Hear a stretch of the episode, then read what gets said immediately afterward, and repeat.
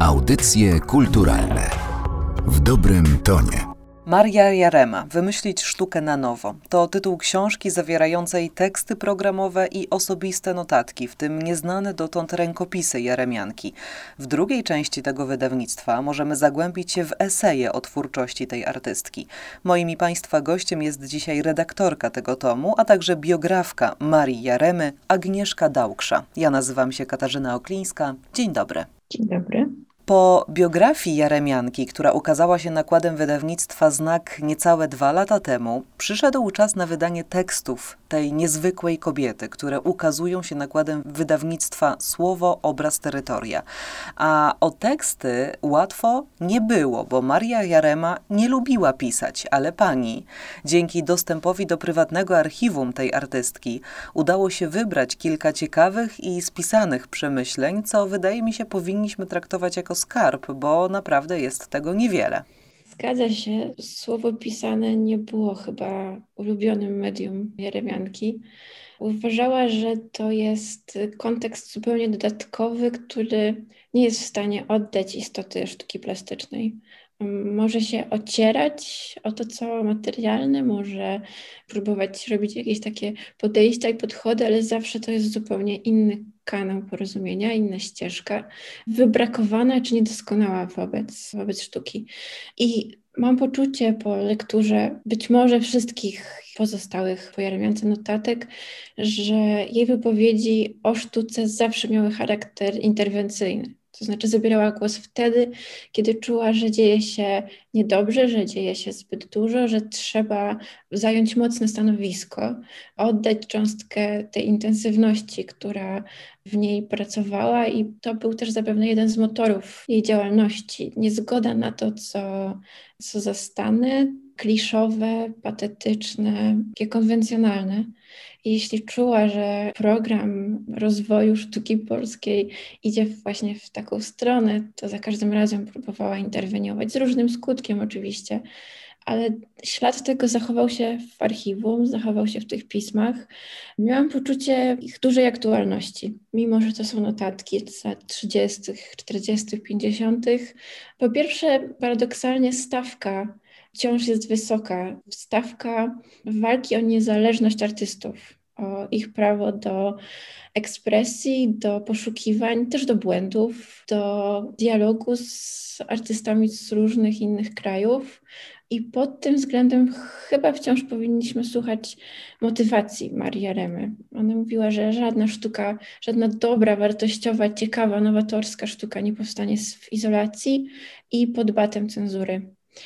Tutaj odczuwam taką dużą nadwyżkę emocjonalną, kiedy czytam jej słowa, bo pokazywało to, jak, jak stawka była dla niej wysoka, że nie chodziło tylko o sztukę robioną na marginesie. Jej awangardowość polegała na tym, że ona cała z sobą eksplorowała to pole artystyczne, że to było tak mocno splecione z jej losami, z jej biografią, że nie potrafiła zrobić swojej małej stabilizacji na jednym odcinku życiowym, a na drugim gdzieś na marginesie tworzyć obrazy, rzeźby i tak dalej. To było splecione i jeśli nie układało się na jednym polu, to, to Jarma stawała się coraz bardziej depresyjna, sowiała i widać było, że, że zamyka się w sobie, zamyka się w swojej pracowni. Ale na szczęście potrafiła znaleźć i w tym zamknięciu po 1949 roku, zamknięciu w sferze publicznej, niemożności zabrania głosu i wtedy jakieś takie pokłady energii, kreatywności i dopracować do perfekcji, zindywidualizować technikę monotypii.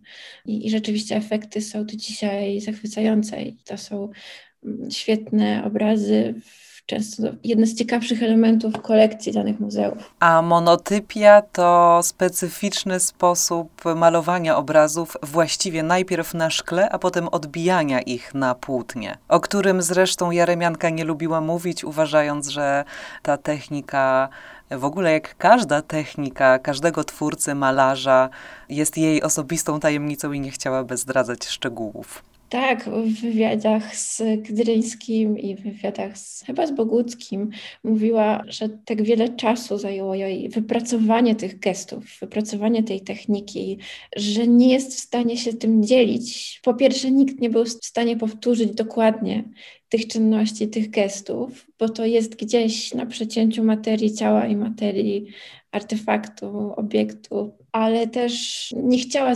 zapewne zdradzać tych sekretów swojego warsztatu. Zresztą to się też właśnie wiązało z niechęcią, niechęcią do, do autotematyzmu, do opowiadania o sztuce, która według niej zawsze broni się sama. To znaczy dochodzi do tak wysokiego energetycznego spięcia odbiorcy, z odbiorczyni z, z obrazem, z rzeźbą, a, że mówienie o tym byłoby takim rozmywaniem tego efektu. Mówiła też coś ciekawego, że trudno rozmawiać o pracy, której efektów nie da się przewidzieć, i czasem artysta sam nie potrafi przewidzieć, co z efektów jego pracy wyjdzie. Wspomniała Pani o interwencyjności tekstów Jaremianki. Ja bym dodała, że są też trochę buńczuczne, a nawet momentami agresywne, ale to świadczy o tym, jak zaangażowana była, jak przekonana była do słów, które wypowiada, które zapisuje. W tych tekstach widać zaangażowanie Marii Jaremy w sztukę. Wierzyła w jej moc, w moc sztuki, apelując o prawa dla artystów, o państwowe środki na kulturę, o lepsze warunki pracy, szczególnie dla początkujących twórców. Wierzyła więc, że sztuka ma znaczenie w takim szerokim społecznym kontekście. Jednocześnie obawiała się, jaki wpływ na artystów będzie miał socrealizm. Dodajmy, że to wszystko działo się w latach 30. i 40. i jeszcze 50 minionego wieku, kiedy przypada najbardziej aktywny okres twórczości Marii Jaremy. Tak, Jaremianka była zaangażowana i uważała, że zaangażowanie to jest podstawowa wartość świadomego człowieka, żeby móc się kształcić, żeby móc się rozwijać, ale też wiedzieć, czego się nie chce drogą eliminacji. I żeby znać swoje granice, nie dać się wrobić, manewrować w wkłady w relacje, których wcale się nie oczekuje, nie chce. Więc ta asertywność ćwiczona przez lata jest też tutaj mocną jakością bycia tej artystki i w polu prywatnym, i w artystycznym.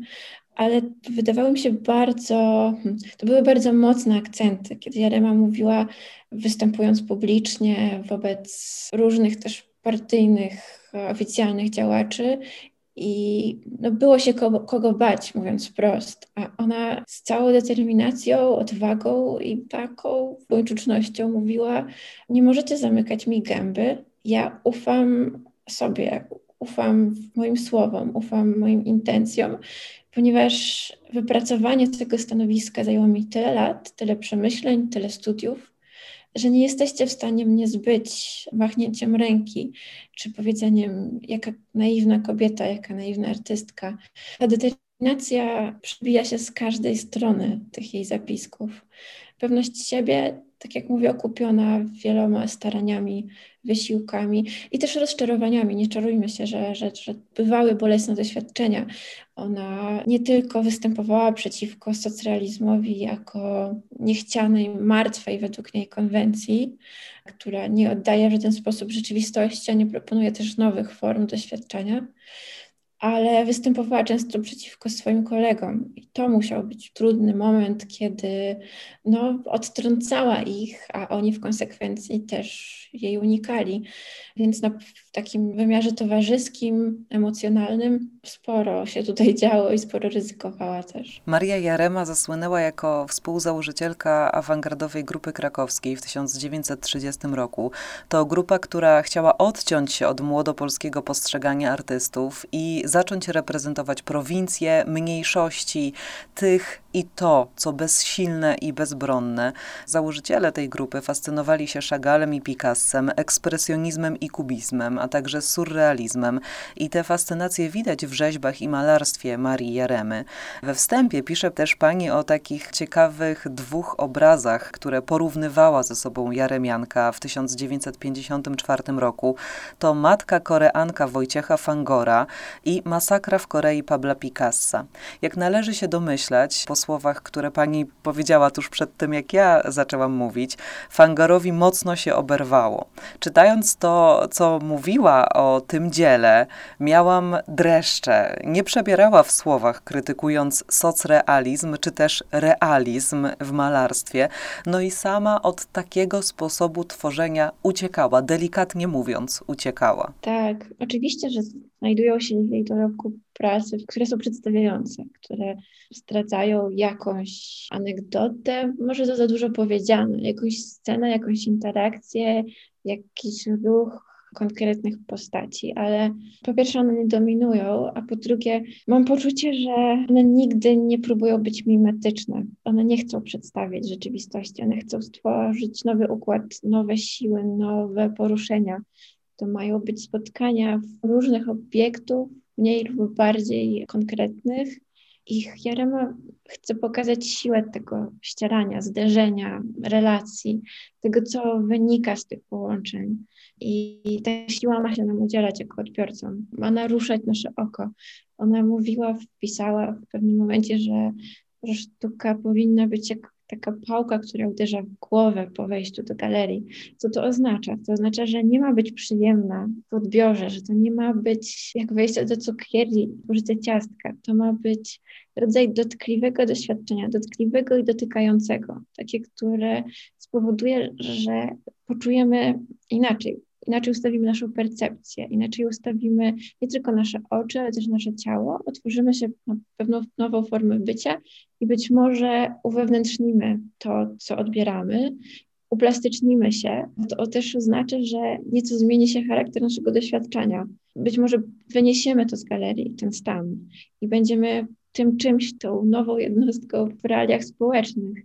I dlatego uważała, że ranga sztuki jest tak wysoka. Nie chodziło tylko o estetykę, nie chodziło tylko o odtwarzanie różnych znanych rzeczywistości doświadczeń, chodziło o, o prowokowanie nowego typu bycia, nowych doświadczeń, o wywoływanie nowych poruszeń i nowych też tak właściwie laboratoryjna, awangardowa forma takiego doświadczenia odbiorcy, żeby dokonać jakiejś zmiany, jakiegoś wyłomu, naciąć oko dosłownie i w. Więc Wojciech Fangor rzeczywiście był chłopcem do bicia podczas tego przemówienia, o którym pani wspomina, kiedy wpisał się mocno w taką konwencję odtworzenia sceny matki i i dziecka. Jerema uważała, że nie jesteśmy w stanie poczuć żadnej przemocy, żadnego konfliktu zbrojnego, międzyludzkiego, jeśli będziemy odwoływać się do, do takich patetycznych form. Mówi, że nasza, nasza wrażliwość nie jest aż tak wysoka, żebyśmy byli w stanie współczuć, a po chwili dodawała, a poza tym nie o współczucie chodzi. Nie chodzi o czułość, nie chodzi o współczucie, chodzi o zaangażowanie. I przeżycie estetyczne. No właśnie, przeżycie estetyczne, które już przestanie być wyłącznie estetyczne, prawda? Ona mówiła o tym momencie dreszczu fizjologicznego, że to, to jest dreszczowe, dlatego że kiedy odbiera sztukę Pabla Picassa, zmienia się jej odczucie też tego wydarzenia i tego, żeby zapobiegać im na przyszłość, na przykład przemocy, prawda? A jakimi środkami osiągała to Maria Jarema?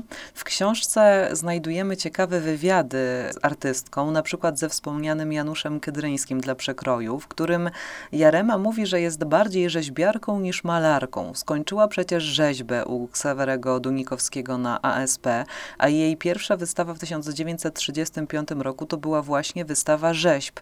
Tymczasem częściej, wydaje mi się, wspominamy jej malarstwo, choć pewnie to rozróżnienie na Jaremiankę rzeźbiarkę i Jaremiankę malarkę nie ma największego znaczenia. No, zaczyna jako rzeźbiarka, zgoda, ale wydaje mi się, że mentalnie nigdy tej rzeźby nie porzuciła. Wciąż bardzo interesowała się i dorobkiem innych, tym jaki jest postęp w rozwoju tego, tego medium.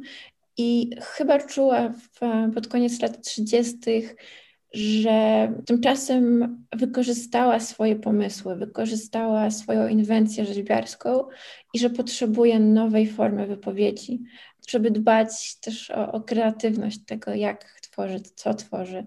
Ale przecież w latach 50. wróciła do, do rzeźby i to są jedne z jej wspaniałych, jedne z bardziej wspaniałych jej prac choćby taniec. Więc wydaje mi się, że, że ta rzeźba była istotna i też odczucie rzeźby, rzeźbiarskości, tego typu pracy z materią wraca w jej malarstwie.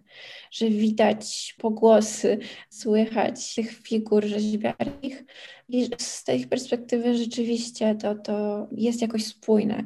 Trzeba też powiedzieć o tych lalkach, które tworzyła w latach 40 one nie były formalnie oczywiście uznawane za dorobek artystyczny, że za rzeźbiarstwo, bo to były lalki użytkowe, robione, żeby, żeby zarobić, ale dzisiaj już są obiektami muzealnymi, zyskały taki status, są zachwycające. Oczywiście takich obiektów pośrednich było więcej. Były główki tworzone do, do teatrzyków jeszcze w latach 30. Więc wydaje mi się, że nie ma co tutaj się skupiać na, na różnicach między tymi formami wypowiedzi, ale pomyśleć przede wszystkim o jej konsekwencji rozwoju. Tego, jak też na przykład kostiumy funkcjonowały i w latach 30. i 50. w jej dorobku, tego, z jaką inwencją podchodziła do pracy nad ludzkim ciałem i tego obiektu właściwie performatywnego. Ja mam takie poczucie, że Jeremianka nie jest jeszcze zupełnie zinterpretowana jako jedna z polskich pionierek sztuki performatywnej.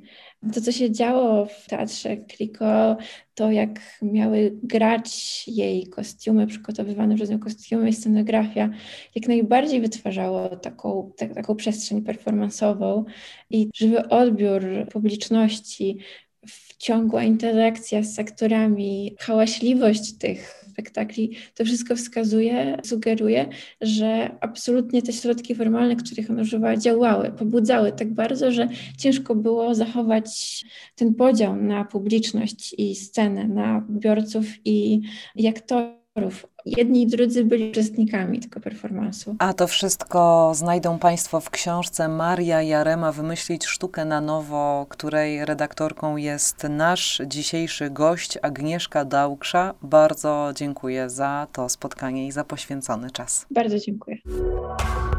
Audycje kulturalne w dobrym tonie.